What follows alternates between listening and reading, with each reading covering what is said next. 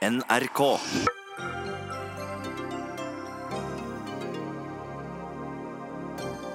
En ny undersøkelse viser at det skjer en voldtekt eller et voldtektsforsøk nesten annenhver dag i Forsvaret. Dette gjør meg forbanna, sier forsvarssjef Håkon Brun-Hansen, som kommer til oss. Historisk innstramning i abortloven foreslås i dag. Alle fosterreduksjoner må heretter i nemnd. En trist dag for kvinners rettigheter, sier Arbeiderpartiet. Miljøpartiet De Grønne vil sparke sentralbanksjefen etter at han uttalte seg positiv til fortsatt oljeproduksjon i Norge. Skremmende å kreve folk avsatt fordi man er uenig, mener Høyre. Og Trond Giske vil bli nestleder i Trøndelag Arbeiderparti. Det skaper strid internt. Dette sender et dårlig signal til alle unge kvinner og menn i partiet, sier en av varslerne.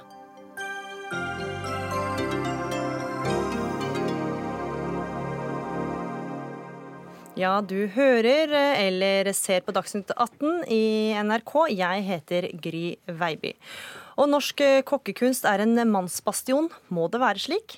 Nei, svarer Norges mest prisvinnende kvinnelige kokk. Men eh, først. I løpet av eh, tolv måneder skal det, ha skjedd over 40 voldtekter i Forsvaret, i eller utenfor tjeneste.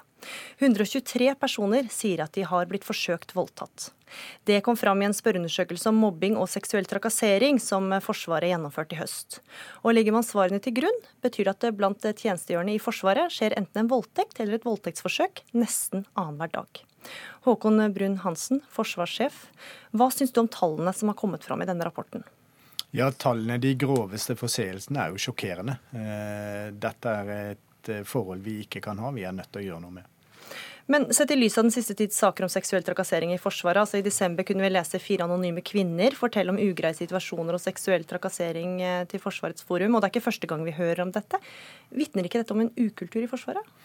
Nei, det er jeg ikke ubetinget enig i. For at vel 90% av kvinner og menn sier at de trives i Forsvaret.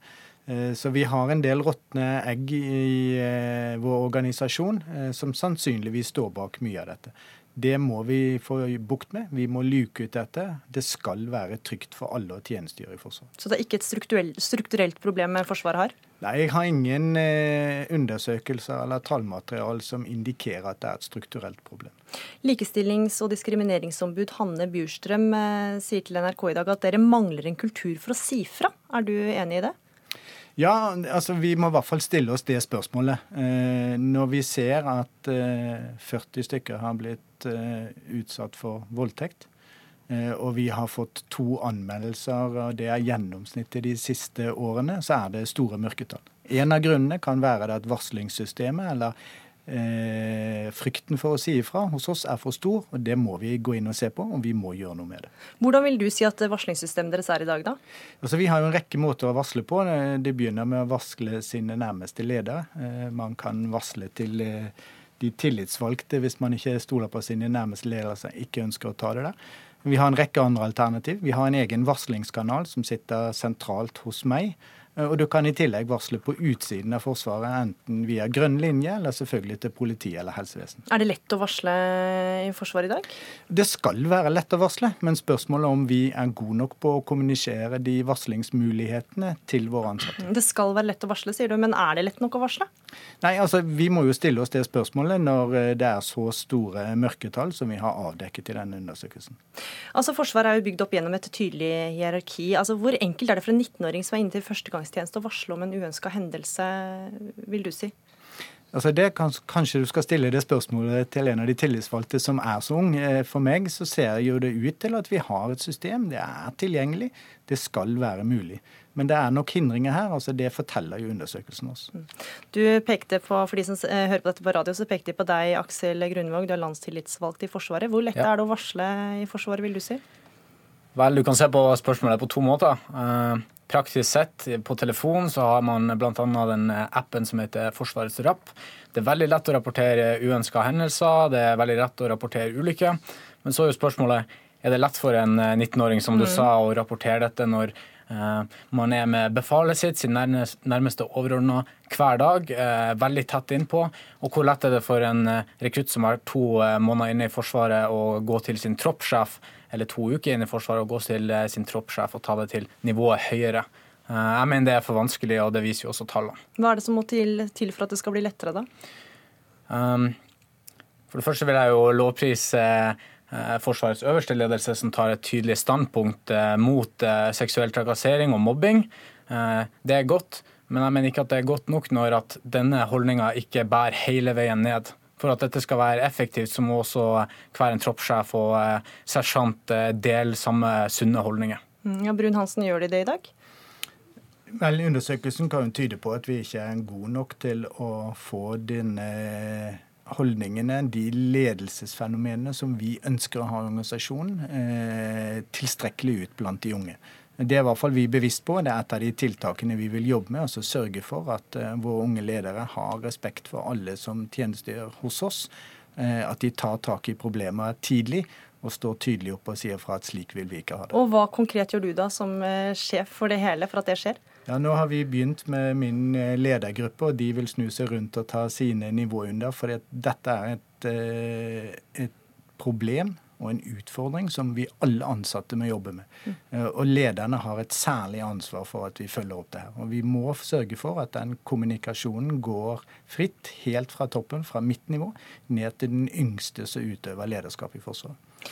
Grunvåg, altså du snakker på vegne av de vernepliktige, som er den gruppa hvor andelen voldtekter og voldtektsforsøk er høyest. Får dere mange henvendelser på uønska seksuell atferd og overgrep? Vel, jeg er jo tillitsvalgt på et sentralt nivå, og vi har jo tillitsvalgte på alle nivåene i Forsvaret. Og svaret mitt er ja på, de lavere, på lavere nivå, på eh, avdelingsnivå. Der eh, tror jeg nok de tillitsvalgte er en av de som får høre om det først og oftest da soldater kjenner til disse og har et eh, vennskapelig forhold til de tillitsvalgte. Vi som sitter sentralt, får ikke akkurat hendelser direkte, med mindre vi skal bistå andre tillitsvalgte. Så prosedyrer for, for soldatene som er tillitsvalgt, det er å bistå andre soldater med å rapportere dette. da, mm. Og være en støtteperson. Hvordan syns du det fungerer i dag, da? Vel, Jeg mener på at vi har en god tilstedeværelse og vi har veldig flinke tillitsvalgte. Men vi ser jo ofte at eh, soldater som kommer til de tillitsvalgte, kanskje ikke har lyst til å Eh, melde ifra dette, kanskje i frykt for konsekvenser da, at man skal eh, Man er kanskje litt redd for at dette skal få eh, innvirkning på sin tjeneste, da. Ja, Brun-Hansen, Hva vil du si til dem som frykter at dette vil få innvirkning på deres tjeneste? Vil du være redd, er redd for konsekvensene, hører du her? Ja, altså jeg blir veldig trist når jeg hører det. Fordi at det skal ikke være sånn. Jeg tror jo at over Eh, mesteparten av linjen hos oss så er det ikke sånn. Eh, og så finnes det selvfølgelig enkelte unntak. Vi er en stor organisasjon med mye mennesker. Og det er litt trist når disse unntakene eh, går på folkemunne og blir en fryktkultur. Som sier at dette kan få negative konsekvenser. Det er ikke tilfellet. Det er nok enkelte episoder, det vet vi godt om. Men vi må også den type holdninger og oppfatninger, særlig oppfatninger om at det er slik, til livs. Anniken eh, Huitfeldt, leder i utenriks- og forsvarskomiteen eh, på Stortinget eh, for Arbeiderpartiet. Hvordan reagerer du på tallene som har kommet fram? Ja, det var mye høyere enn det jeg trodde. Og Forsvarssjefen er jo vanligvis ganske forsiktig i sin ordbruk. Jeg har aldri hørt han så sterk som i dag også ta avstand fra dette. Det som også overrasket meg, var at av de 44 personene som har opplevd å bli voldtatt, så var det 24 kvinner og 20 menn. Eh, så det sier noe om at dette handler om kvinner, men det også handler om menn. Og det er åpenbart altfor vanskelig for de som er inne til førstegangstjeneste, å varsle i dag, si fra og gå til politiet. Så dette er et strukturelt problem. Vi må jobbe veldig mye grundigere. Vi må få folk til å si fra. Og ikke bare de som er utsatt for det, men også de rundt. For Ofte er det slik at man legger ansvaret for den som blir utsatt for dette, på den som har vært utsatt for det, mens det er kanskje noen andre som også har visst om det, som også må si fra. Mm. Bør vi være bekymra for å sende ungdommene våre i Forsvaret? Nei. Det er en god kultur i Forsvaret, og de aller, aller fleste trives der. Men det er noen som eh, oppfører seg helt uakseptabelt. Og det er flere enn jeg trodde som har vært utsatt for den type eh, hendelser. Men generelt sett så er det godt og trygt å være inne til førstegangstjeneste. Grunvåg, eh, Anniken Huitfeldt sier at det må bli enklere å varsle. Hva, hvordan skal det bli det? Altså, som jeg nevnte tidligere, så er det jo veldig lett å gå inn på appen og gjøre det, men det er ofte andre ting som stopper. Jeg mener at Forsvaret har bl.a. en nulltoleranse på narkotika som overholdes veldig strengt. Det, det, de, det første rekruttene får høre, er at vi har nulltoleranse, vi har meldeplikt, og vi ser umiddelbar virkning hvis det meldes ifra, eller hvis noen blir tatt med dette, noe som har med narkotika å gjøre. Da er det rett ut. Mobbing derimot, vi har nulltoleranse, men jeg ser ikke at den etterleves på nært samme måte som nulltoleransen for narkotika. Mm. Ja, En direkte oppfordring til deg, da, egentlig? Nei, jeg, syns, jeg syns det er en veldig god oppfordring å få. Jeg syns det er en veldig god sammenligning eh, som blir gjort. Og det er klart at eh, eh, vi vet vi har nok av regler. Vi må også omsette dette til handling, og vi må sørge for at den handlingen skjer over hele linjen. På mm. lik linje som det gjør på andre områder vi har nulltoleranse for. Takk for at dere var med i Dagsnytt 18. Aksel Grunvåg, landstillitsvalgt i Forsvaret, Håkon Brun Hansen, forsvarssjef, og Anniken Huitfeldt, leder i utenriks- og forsvarskomiteen. Dagsnytt 18 alle hverdager kl 18.00 på NRK P2 og NRK2.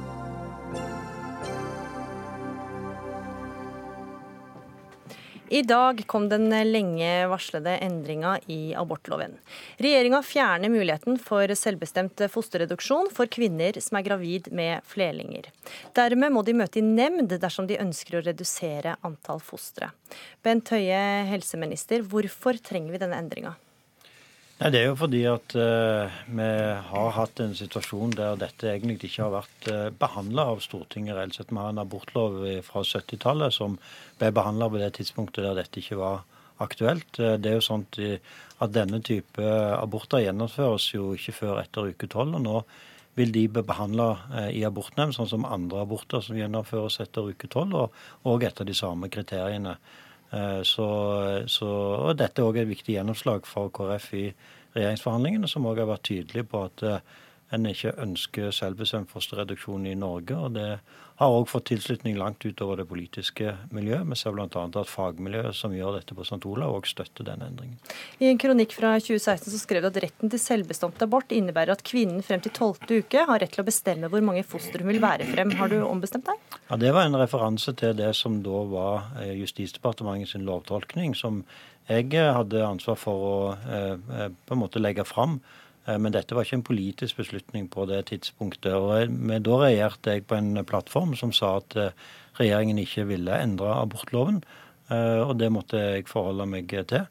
Nå er vi i en situasjon der KrF kom inn i regjeringen, der vi har åpning for å endre på akkurat dette punktet, og det har vi nå fulgt opp. Er det en god endring av abortloven, mener du? Jeg mener personlig at det er en riktig og god endring. Rett og slett fordi at vi òg nå får eh, rydde opp i en rekke forhold knytta til fosterreduksjon, som helt siden 2001 har blitt håndtert i ulike brev og, og ulike tolkninger.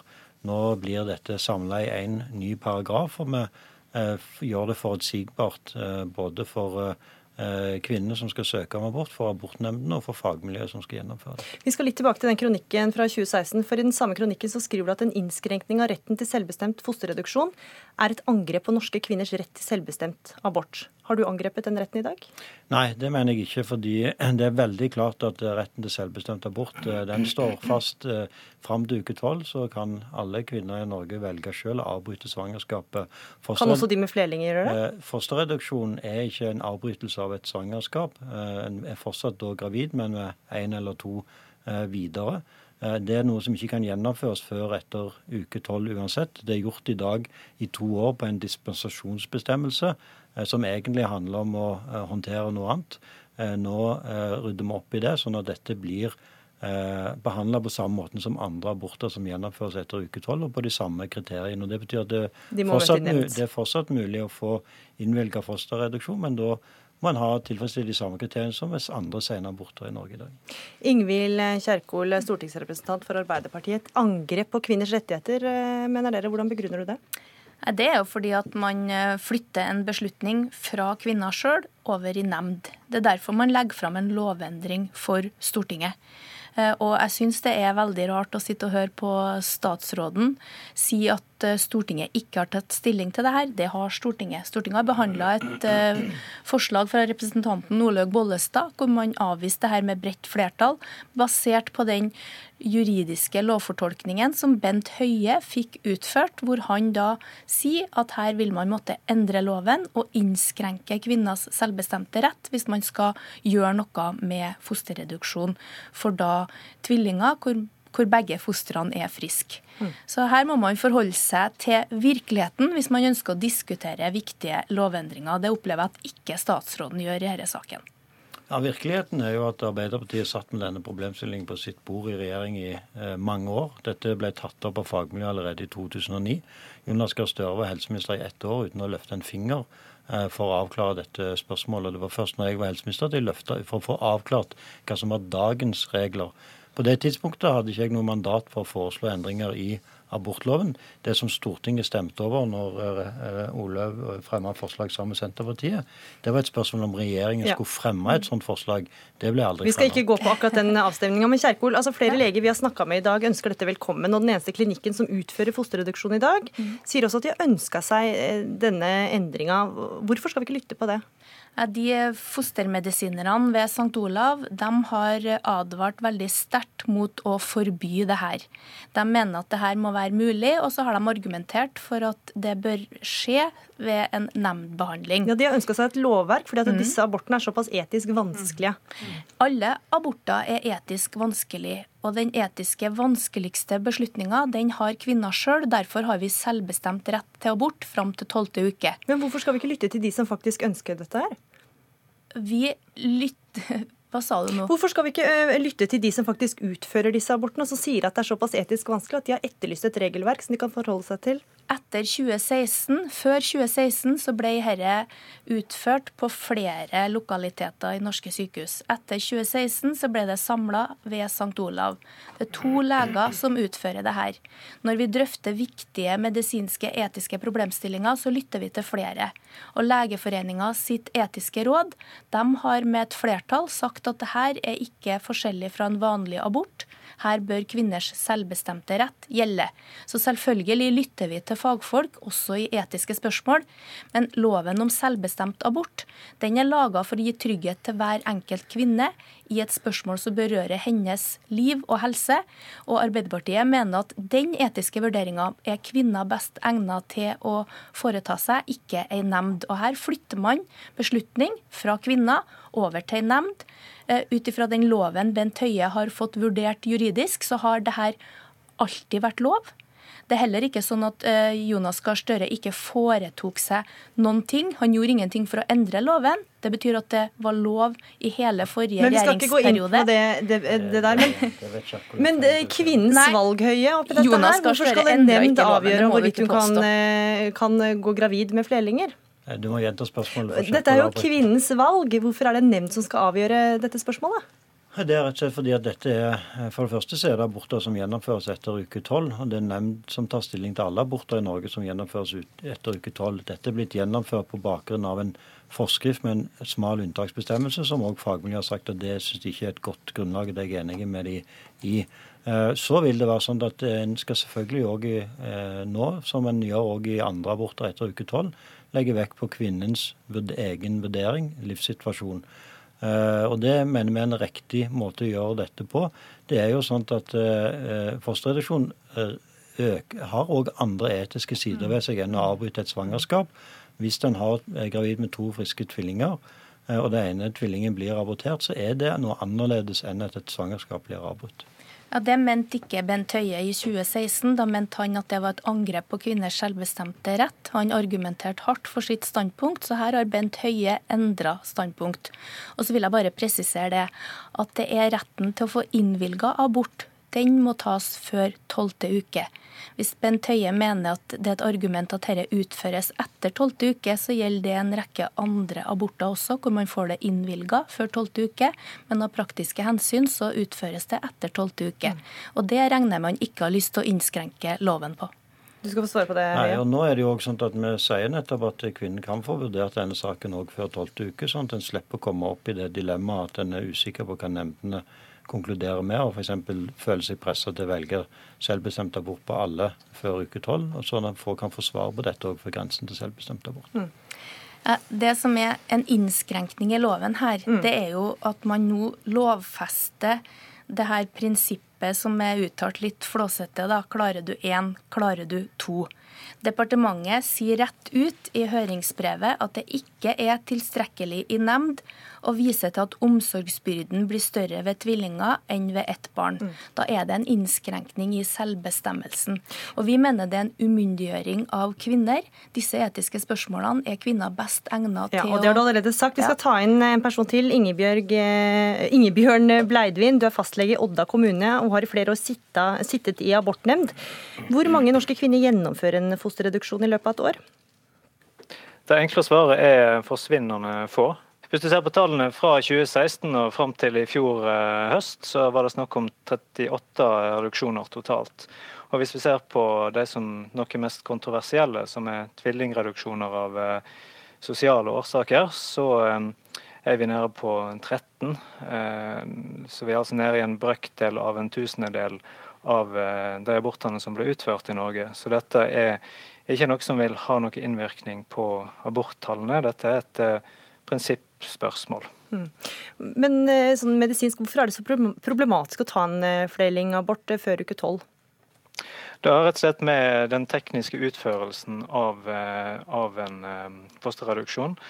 Der du faktisk Fostrene må ha en viss størrelse før det er praktisk mulig å gjennomføre. Og Det er derfor en venter til rundt uke tolv. Og sånn som Bent Høie sier, så ja, eh, aborter etter uke tolv blir eh, nemndbehandla. Forskjellen er jo gjerne at eh, da er svangerskapet oppdaga seint, eller det er kommet fram noe seint, slik at en må gå til nemnd. Her vil det kunne være ei lang ventetid fra beslutningen eller ønsket kommer om en fosterreduksjon, og til en faktisk kan komme inn i nemnda og få gjort dette. her. Mm. Det er en forsinkelse på linja di, jeg må bare si det med en gang. Hva er det, hva er det kvinner må fortelle om når de møter i abortnemnd og vil få abort innvilga av sosiale årsaker?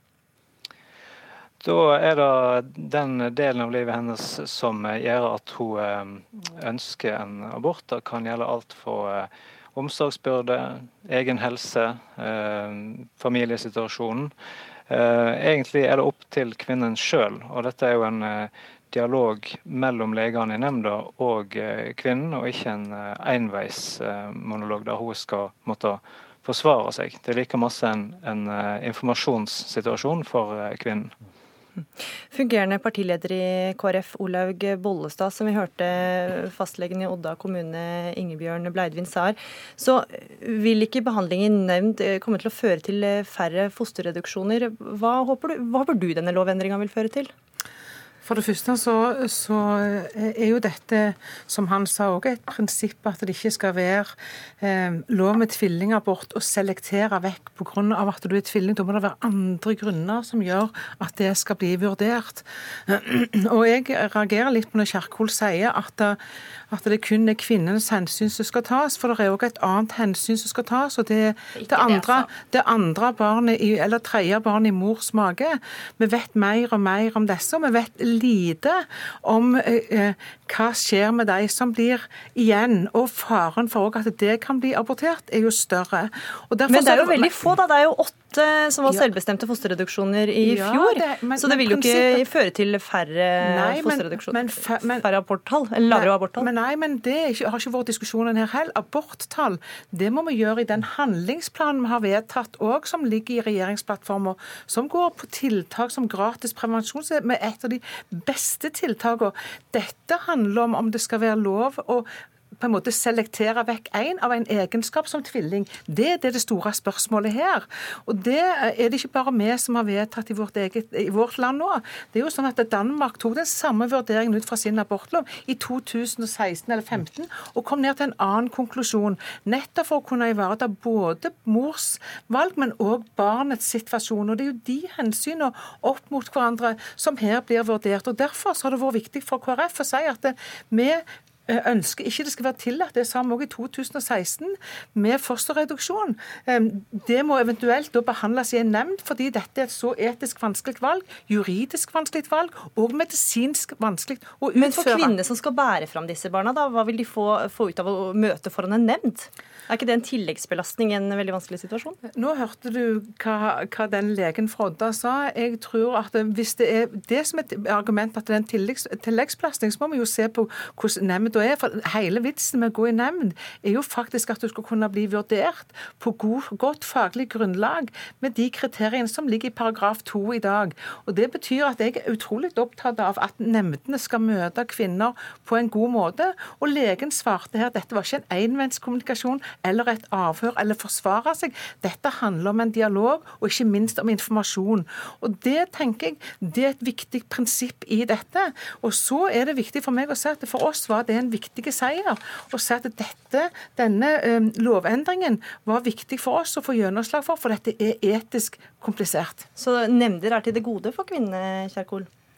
Jeg tror nok at de legene som sitter i nemnda, gjør det de kan for å lette belastningen for kvinner. Men realiteten er at kvinner er fratatt egen beslutning i nemnd. Det ligger i hele systemet. Jeg tror det er viktig å reflektere over én ting. Når det er snakk om selvbestemt abort, så er det kvinner sjøl som skal avgjøre inntil tolvte uke. Hvis loven sier det at hvis du vil benytte deg av din selvbestemte abort, da må du ta bort begge. Eh, du, det er det eneste alternativet du får. For oss i Arbeiderpartiet så er det uetisk. Lovene de skal være logiske og konsekvent. Da kan man ikke skille på én og to. Eh, det vil stille kvinner over det mest ytterligeregående valget, nemlig å ta bort begge, hvis hun bruker sin egen selvbestemte rett. Det er uetisk, og det drøfter ikke verken KrF eller Høyre på sida av meg her. Og så har jeg bare lyst til å si ja, hva det. sier du til det, Bollestad? Denne, det kan føre til at noen men, vil ta bort begge eller flere? Denne diskusjonen her handler jo ikke om du vil ha barn eller ikke ha barn. Denne diskusjonen handler om det skal være mulig etter norsk lovverk å velge én vekk. Det er det det handler om. Og det er det vi sier. Det valget, det mener vi blir så komplisert at det sier vi nei til. Men hvis du skal få det innvilget, så må du gjøre det etter uke tolv. Og da må det ligge grunnlag for det, sånn som paragrafen er i dag i paragraf 2.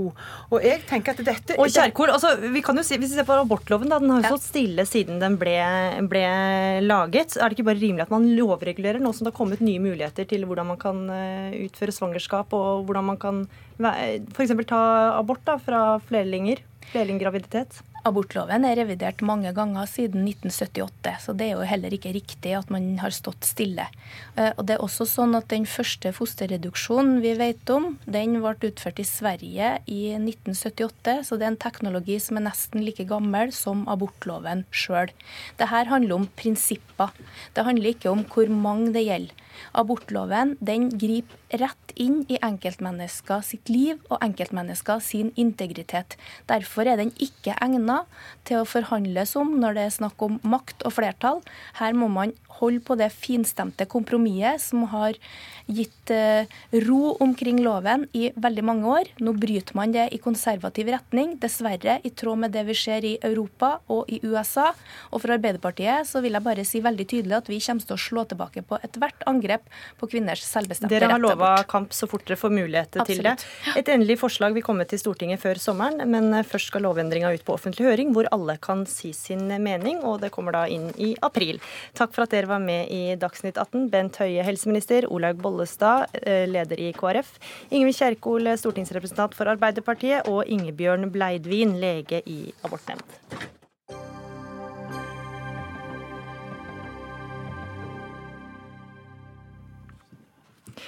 Trond Giske eh, vil tilbake til eh, trønderpolitikken, og har nå blitt foreslått som nestleder i Arbeiderpartiets største lokallag, Trøndelag Arbeiderparti.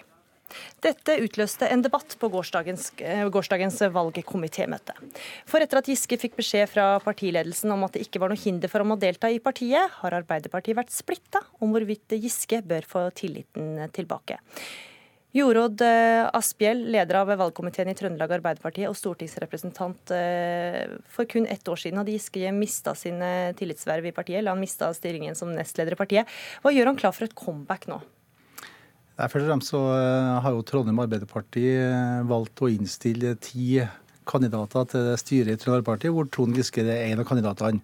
Til de her 15 plassene som skal velges på vårt årsmøte da 2. og 3. mars. Ja, og da vil jeg spørre deg igjen, da, Hva gjør han klar for et comeback nå, da?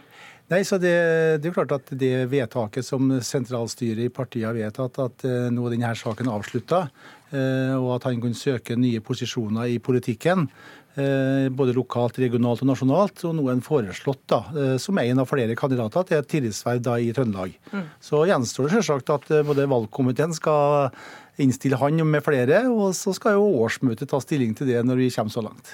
Dagsnytt 18 har forsøkt å få, tak, eh, få en kommentar fra Trond Giske i dag, eh, uten hell. Men eh, vi kan lese om Frode Jacobsen, leder Arbeiderpartiets nest største fylkeslag i Oslo, og som sitter i kraft av det også i partiets landsstyre, sier til nrk.no at han syns det er rart at man nå vurderer å gi Giske den tilliten dette innebærer. Og hva sier du til det, Asphjell? Ja, jeg eh, har, jeg har, stor respekt for eh, alle dem som eh, mener at det kanskje er både for tidlig, men noen mener at det jo er på tide. Så det er si, ulike syn, ikke bare i Trondheim og ikke bare i Trøndelag, men i hele landet. Men, men, det er jo klart at det splitter hele landet, også Trøndelag. Er det lurt å satse på en så splittende nestleder? Eh, nå er det ikke snakk om at det blir nestleder. Nå er det, han er foreslått inn i styret, så skal nå valgkomiteen eh, finne en løsning på det. Men det er klart at eh, Trøndelag Arbeiderparti, som er landets største fylkesparti, det er stor oppmerksomhet rundt den politikken og det styret vi har. Eh, på godt og vondt. og Nå er vi litt i søkelyset i forhold til det kandidaturet, men jeg håper at vi skal finne en god løsning. Mm. Vi har vært i kontakt med lokallagene i Namsos, Steinkjer, Levanger og Stjørdal i forbindelse med denne saken, og de hadde ikke mulighet til å stille i Dagsnytt 18 i kveld. Men du er her, eh, Line Oma, varsler og bydelsutvalgsleder for Gamle Oslo Arbeiderparti, og du var en av varslerne i saken mot Giske. Hva syns du om at han nå eh, stiller til valg? Jeg syns jo det er veldig overraskende. Eh, jeg tenker at eh, her har Trond Giske vært nestleder i Arbeiderpartiet. Et av de høyeste vervene du kan ha i Arbeiderpartiet. Han har brutt retningslinjene for seksuell trakassering gjentatte ganger. Og dette har pågått over mange år.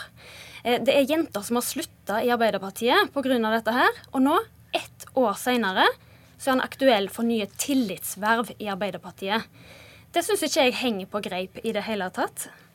Men, men, men, han har jo fått eh, Partiet åpner eh, for Giskes fulle deltakelse, altså deltakelse i politikken igjen. Han har jo fått tillatelse til å delta. Én ting er at det er mulig, og han har jo aldri vært ekskludert fra partiet. Så det, dette er jo ikke noe nytt overhodet. Men spørsmålet er jo om han skal få muligheten til det. Om han, gjort, uh, om han er verdig den tilliten. Og det mener jeg det er et helt klart svar på. Det svaret er nei. Mm. Hva, hva, slags signal mener du uh, Asphjell og de andre i valgkomiteen i Trøndelag Arbeiderparti sender da ved dette? Jeg synes Det sender et signal om at det er én mann i Arbeiderpartiet som er viktigere enn alle varslene til sammen at det er én mann i Arbeiderpartiet som er viktigere enn partiet som helhet. Jeg, sender, jeg mener det sender et signal om at uh, kampen for frigjøring mot seksuell trakassering ikke er viktig nok. Og jeg mener at eh, Den dagen Trond Giske kommer tilbake, den kan komme, men den dagen er ikke her nå. Og en må opparbeide seg den tilliten. Hmm. Hva sier du til det, Asphjell? Ja, Det viktigste er at eh, jenter skal føle seg trygge både i partiet, lokalt, regionalt og nasjonalt. Og det tror jeg alle jenter i alle organisasjoner og alle partier, det, det er viktig. Eh, og vi skal ta alle varslere på alvor. Og vi skal ha respekt for at eh, varslerne synes det her er for tidlig. Men samtidig, så når det er gitt åpning at en nå kan søke nye verv, så skal en ta med det i vurderinga, og det er mange meninger rundt. Og da er det jo sånn at tillit, som sagt, det, det er ikke noe du har. Tillit er noe du kan gjenskape. Og da vil vi se om årsmøtet i Trøndelag Arbeiderparti ønsker å gi den tilliten. Men, men er tillit også noe du kan tape? Ja, tillit er noe du har tapt. Og det er klart å ha Trond tapt gjennom at han har mista sentrale verv i partiet og har tatt konsekvensen av det, det som har skjedd. Men samtidig så har valgkomiteen har ikke laga noen innstilling ennå. og eh, Vi har bare fått forslag, ti forslag. og Vi har sett det i et fem timers langt møte. og Vi skal ha et nytt møte i morgen, så får vi se hvor langt vi kommer i forhold til de forslagene som har kommet inn fra Trondheim og andre kommunepartier i Trøndelag. Mm. Jeg hadde jo håpet at Arbeiderpartiet skulle sette en høy standard for hvordan vi håndterer disse sakene. At vi skulle være, gi eksempler på hvordan sånne saker skal håndteres. At vi sender et signal til samfunnet. Men jeg mener at hvis vi gir nye tillitsverv til Trond Giske nå, så mener jeg at vi i Arbeiderpartiet setter en lav standard for hvordan vi skal håndtere sånne saker. Og det er ikke verdig for et likestillingsparti som Arbeiderpartiet. Mm, Asphjell setter en lav standard og ikke, ikke verdig Arbeiderpartiet som et likestillingsparti? Nei, som sagt, så jeg er jeg veldig opptatt av at eh, varslerne skal både bli trodd og bli hørt, og at de signalene som gis, det skal vi lytte til.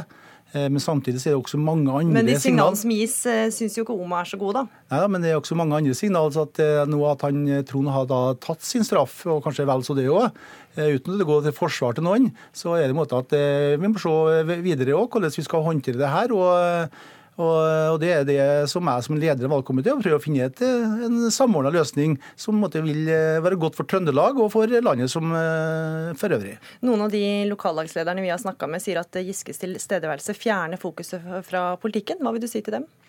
Jeg ser jo at eh, Når det kandidaturet er fremma, så blir det fort dreid mot Trond Giske. Eh, det er jo ikke Arbeiderpartiets politikk du snakker om her nå? Nei, det, det, da snakker vi altså om eh, Trond Giske som sitt kandidatur i forhold til den historien som har vært. Men eh, for Arbeiderpartiet så er det viktig at på det årsmøtet vi skal ha, så er det masse forslag, og jeg er sikker på at det blir stor oppmerksomhet knytta til de, alle de politiske forslagene som har kommet fra 38 kommunepartier. Og som sagt så skal vi da velge et nytt styre med 15 mandater i et forholdsvis nytt fylkesparti. Tone Sofie Aglen, du er politisk redaktør i Adresseavisen. Eh, for øyeblikket minner det mest om en slagmark, skriver du i en kommentar i avisen. Eh, hva sier denne striden om Arbeiderpartiet i Trøndelag? Nei, Arbeiderpartiet i Trøndelag er dypt splitta i mange spørsmål. Og det er nok ikke bare synet på Trond Giske som eh, er splittende for tida. Men, eh, men også det spørsmålet er omstridt. Jeg tror nok at eh, det er noen tydelige kritikere, deriblant ordføreren i Namsos og en del andre, særlig gamle Nord-Trøndelag, som, som genuint mener at det er for tidlig. De har ikke tilliten og mener at dette er unødig provoserende. Men så har du også tror jeg, ganske mange som ligger litt mer på været, og kanskje er mest bekymra for uro og bråk. Og så tror jeg at eh, det er en eh, gruppe med, også med betydelig gjennomslag i partiet, som, eh, som mener at både at Arbeiderpartiet trenger Trond Giske tilbake, og at, eh, at, det har gått lang nok tid. Og jeg tror nok at eh, det er den gruppa som eh, vil få mest gjennomslag, og som vil bli hørt, dersom Giske virkelig vil dette her. Hva vil du si at Trond Giske betyr for trønderpolitikken, eller har betydd for trønderpolitikken? Nei, jeg tror man lett glemmer at han har vært ikke bare den mest sentrale politikeren i Arbeiderpartiet, men i Trøndelag i veldig, veldig mange år. Han blir nok av mange oppfatta som grasrotas mann, og har vært vært eh, over mange år veldig dyktig til å være rundt i kommuner og, og, og være en støtte. Og jeg tror han blir oppfatta også som en, en, politiker som eh, ikke bare er debattsterk og strategisk, men også som har en veldig sånn god nese for eh, hva Arbeiderpartiets velgere er opptatt av. Så jeg tror nok at mange, litt sånn uavhengige av disse varslingssakene, føler at det er blitt et betydelig hull i Arbeiderpartiet nå. Og så må jeg jo si at han har jo fått litt sånn drahjelp fra uventa hold. For når Oslo Arbeiderparti går ut og, og ber Trøndelag om å besinne seg og tenke seg om når det gjelder Giske, så tror jeg nok ikke han kunne ha fått en bedre valgkampstøtte i sitt kandidatur som nestleder i Trøndelag, da. Men hva sier denne striden om Arbeiderpartiets største lokallag nå?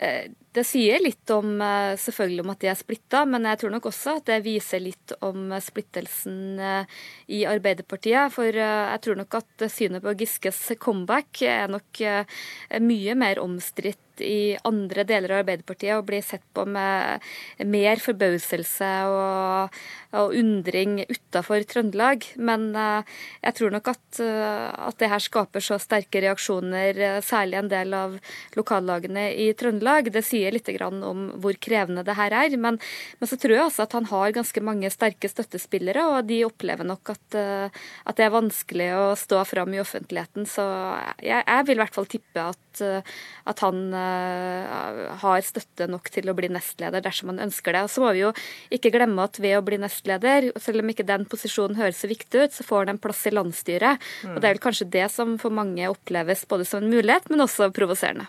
Er det også comeback i rikspolitikken da, tror du? Han har jo aldri eh, vært ute av eh, rikspolitikken. Han sitter jo på Stortinget sjøl om han har holdt en lav profil. Jeg tror nok at den veien tilbake til et sentralt verv i i rikspolitikken vil nok være betydelig lengre. Og, og jeg tror nok han er mye mer omstridt i andre deler av partiet, men mye vil nok avhenge av hvordan han spiller kortene sine, og også hvordan det går med Arbeiderpartiet. Om det vil komme andre profiler opp som vil gjøre Giske mindre viktig i partiet. Mm, ja, Oma, hva, hva sier du dersom han blir nestleder? Det er selvfølgelig opp til, til Trøndelag Arbeiderparti å avgjøre. Eh, jeg mener at han ikke har eh, den tilliten som trengs på dette tidspunktet, så håper jeg egentlig at eh, kvinnene i Trøndelag Arbeiderparti, og mennene for den saks skyld, ser det samme og er solidariske mot de varslerne som har varsla, og den kampen som vi har ført nå det siste året. Ja, Asphjell, helt kort til slutt her. Altså, den sittende nestlederen, May-Britt Lagesen, har varsla at hun vil gå av dersom Giske blir valgt. Må dere velge? Nei da, det, vi har hatt eh, som sa, fem timer i går. Eh, hvor sittende leder Per Olav Hopsø og sittende nestleder eh, Marvit Lagesen de har sagt ja til gjenvalg, og de har vært inn til intervju osv. Det er ikke satt noe slags krav fra noen av dem. Og så nå skal vi da sy sammen om vi skal ha én eller to nestledere, for det er, det er litt der debatten går. Og om da nestlederne skal være i et landsstyre med et landsstyre, det er riktig som Tone Sofie sier. Eh, men i dag så har Trøndelag to representanter i landsstyret. Men når etter at sammenslåing av to fylker, så er det muligheter åpna for kanskje at det blir fire. Men det skal landsmøtet ta stilling til i mm. april. Ja, og Valgkomiteen i fylkespartiet har planlagt et avgjørende møte i Trondheim eh, i morgen, der de skal ta stilling til om Giske skal på listen over nominasjoner. Og dersom det blir en delt innstilling, så kan det gå mot kampvotering på fylkesårsmøtet i mars. Takk for at dere var med i Dagsnytt 18, Jorod Asphjell, Tone Sofie Aglen og Line Oma.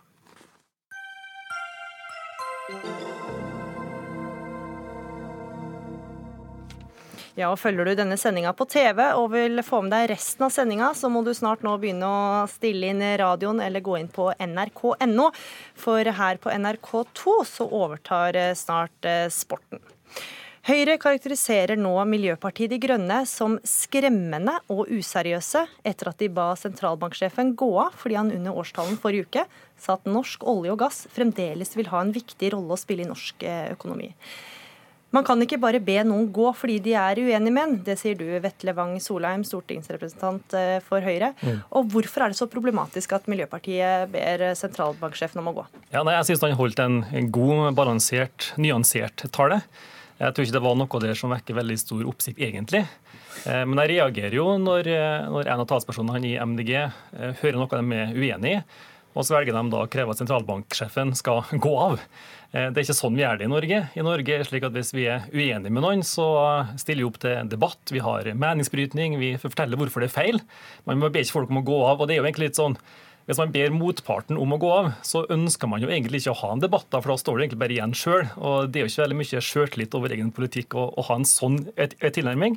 Og så har jo MDG har jo to talspersoner. Det ene ønsker at sentralbanksjefen skal gå av. Så vil du høre i kveld nå om også den andre talspersonen syns det samme. Ja, Du skal få svare Une Bastad, nasjonal talsperson for Miljøpartiet De Grønne.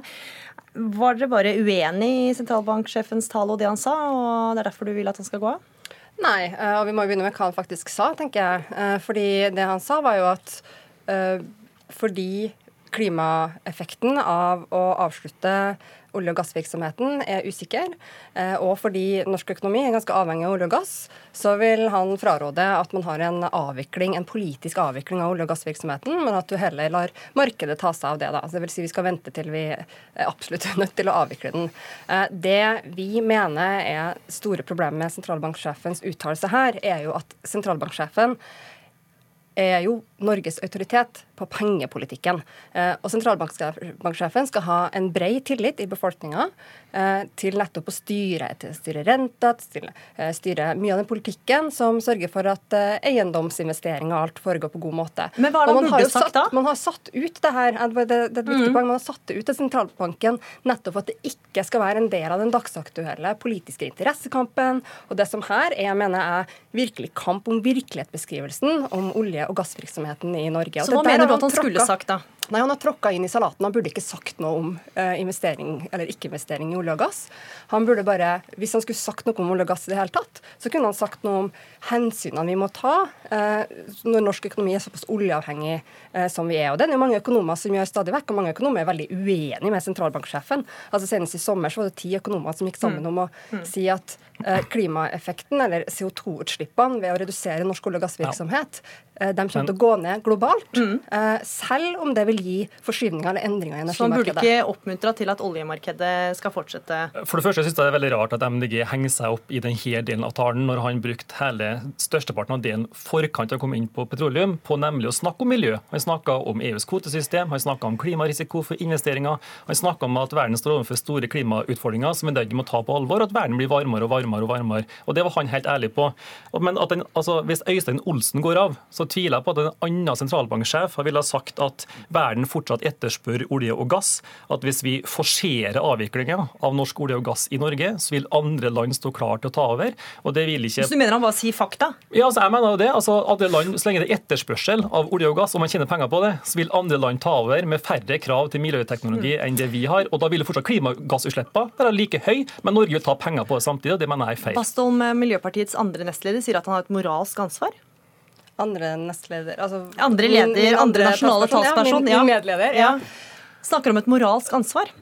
Ja, vi har et moralsk ansvar. Det sier jo, det sier jo Klimarisikoutvalget, som regjeringa hadde nedsatt. Det sa at dypest sett så er hvorvidt vi fortsetter med olje- og gassvirksomheten i det tempoet vi gjør nå, eller ikke, det er et etisk spørsmål.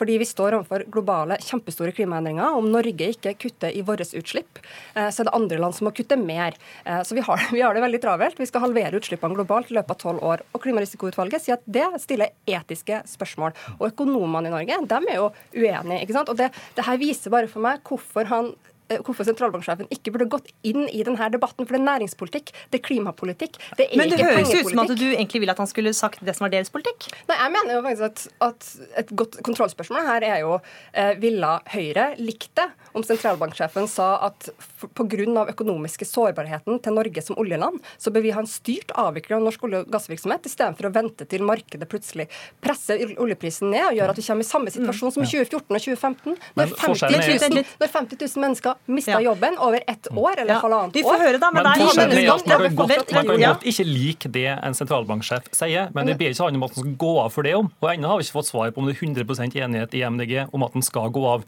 Så mener jeg det at Han hadde en kjempegod tale når det gjaldt klima, hva vi står overfor. og det, det synes jeg man, man heller hylle fram det han sier da, om hvordan Norge skal komme seg videre. Men så er det jo slik at altså, over 10% av dem som jobber i Norge, er sysselsatt i, i Norge, er enten måtte jobbe direkte i næringa, i petroleums næringa eller rundt-liggende næringer.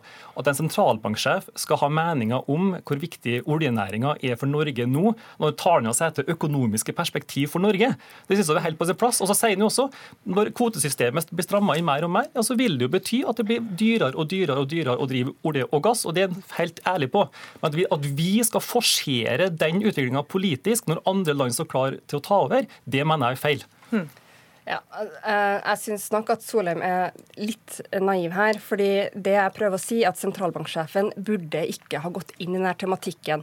Grunnen til at jeg sier naiv, er fordi at her er snakk om vår altså Jeg mener i Norge nå så er det her den største interessekampen mellom en veldig sterk oljelobby og en regjering som gjentar akkurat akkurat samme argumentene som den oljelobbyen. Det er kjempeproblematisk, fordi det, vikt, altså det, det argumentet man hører hele tida, er jo at dersom man begynner å avvikle norsk olje og gass, så vil det føre til mer kullproduksjon og mer utslipp globalt. Du har ingen empiri som faktisk bekrefter den påstanden, men olje- og gassvirksomheten, eller olje- og gassnæringa, sier det hele tida. Men hvor konstruktivt er det å be han gå av? Med... Det vi har sagt, er jo at han har gått utenfor mandatet sitt, og dersom han ikke innser at han har gjort det, så bør han jo så burde, Han burde ikke gjort det, sa vi. Men bør han gå av eller ikke? Det mener vi jo opp til regjeringa sin tillit til han. ikke sant? For regjeringa er jo dem som har utnevnt sentralbanksjefen.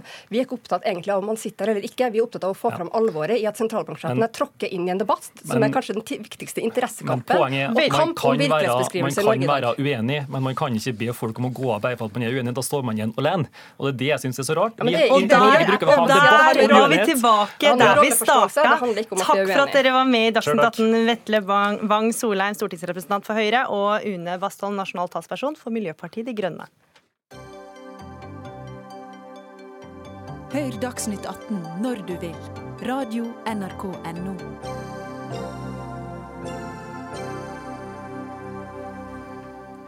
I går ble Heidi Bjerkan historisk. Hun ble den andre kvinnelige kjøkkensjefen med Michelin-stjerne.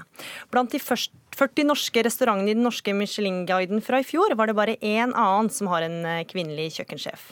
Men når det kommer til yrkestittelen kokk, er halvparten kvinner, viser statistikken. Kari Innerå, du er eh, eier av restauranten BA53 her i Oslo, og har vunnet en rekke priser og er således et unntak fra regelen. Og Hvordan forklarer du det? Hvorfor er det stort sett bare menn som når toppen i ditt yrke? Jeg kan ikke si at jeg har svaret på det. Um, jeg tror det er som med mange andre lederstillinger, at det er, det er mest menn på toppen. Uh, og det er tungt å ha en lederstilling på mange måter. Kvinner føder barn. Det er kanskje en grunn. Men her er jo statistikken også dårligere enn det er i næringslivet og andre steder i, i samfunnet? Ja, det er jeg, jeg, kan ikke svare deg på hvorfor. Det, mm. Jeg kan bare svare for meg sjøl. Og det jeg vet, er at uh, jenter kan like godt som gutter. Det er, noen, det er, ingenting som står i veien for at man ikke kan gå hele veien og ha en, en toppjobb innenfor vårt yrke. Mm. Helge Johansen, du er president i Norske kokkers landsforening og selv kokk. Hva er din forklaring på at det ikke er flere kvinner i toppen? Jeg har vel egentlig ingen uh, bedre forklaring enn det Kari uh, sier. Det er et fenomen som oppstår uh, på veien.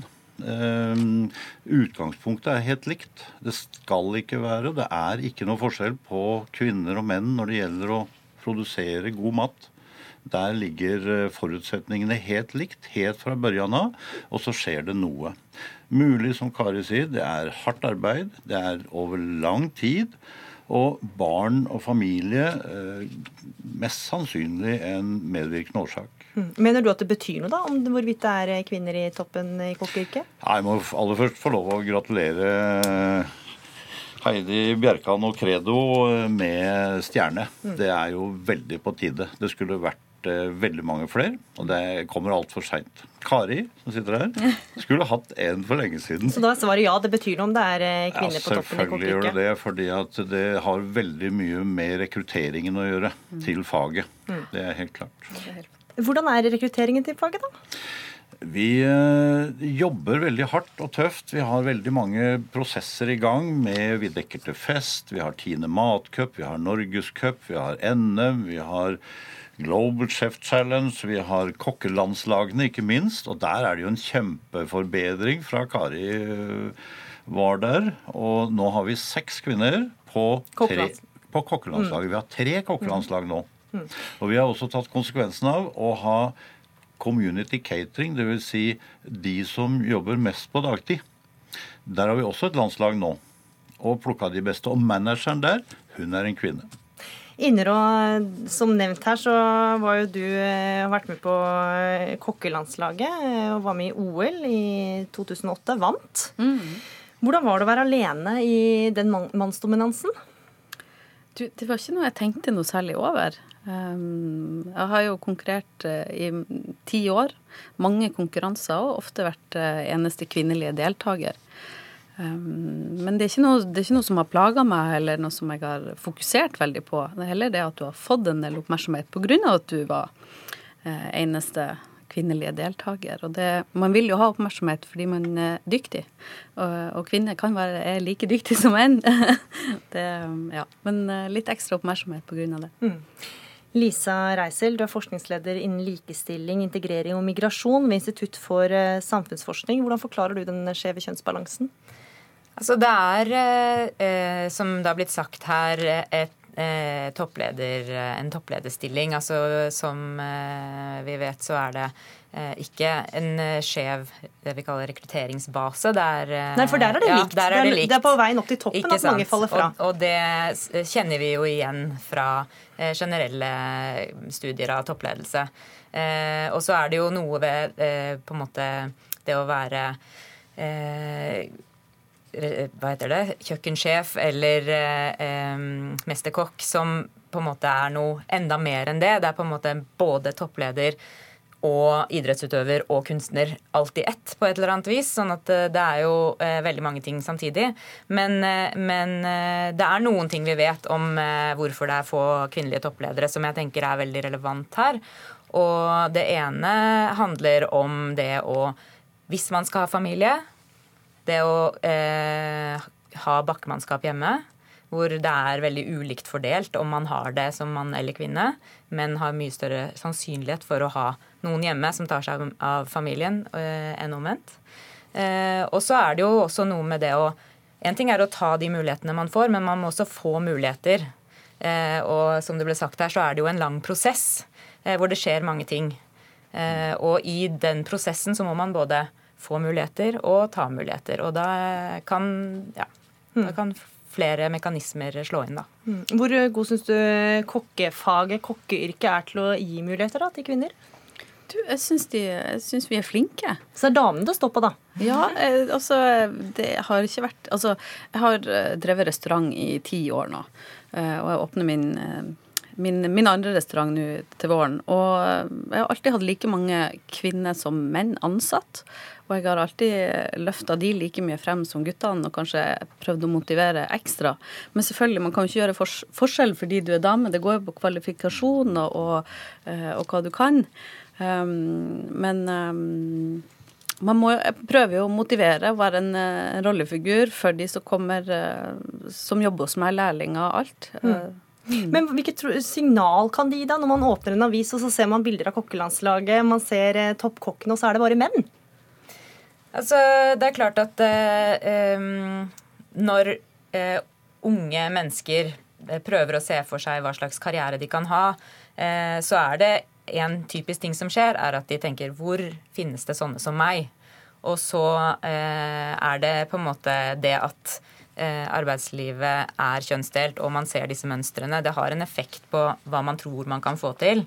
og så er det også sånn at stereotypier eller ideer om at eh, noe er eh, maskulint eller har på en måte noen trekk ved seg som, eh, som hører hjemme mer hjemme hos menn, eh, det gjør også at kvinner typisk, eh, selv når de har de samme evnene, får lavere selvtillit. Eh, det er i hvert fall det forskningen eh, tyder på når det gjelder en del sånn realfag og andre typer eh, stereotypiske mannlige egenskaper. Mm. Vi ser jo en endring i dette fordi at på de siste 40 åra hvor det har blitt utnevnt årets kjøkkensjef, de første 16-17 åra så var det bare menn. På de siste 13 åra så er det fire kvinner. Og det kommer flere. Det er jeg helt sikker på. Vi har noen supertalenter der ute. Eh, junior, senior, som er på kokkelandslaget nå. Og som har kjempemuligheter til å være med. Og jeg tipper, og jeg har spådd, om ti år så har Norge en kvinnelig Bocuse d'Or-vinner. Jeg er helt sikker. Og til eh, jenter som ser på kanskje starte i kokkeyrket. Du snakka om viktigheten av bakkemannskap. Hvilket råd vil du gi? Nei, altså det, er, mm, det viktigste er at hvis du, du må ville, og vil du, så kan du. Og det er ingen begrensning. Det um, Jeg har konkurrert masse og jobba hardt, men jeg har villa det inderlig. Uh, og det går helt fint, så det er bare å kjøre på. er det noe vi som samfunn kan gjøre da, for å få flere til å velge karriere? Ja, veldig.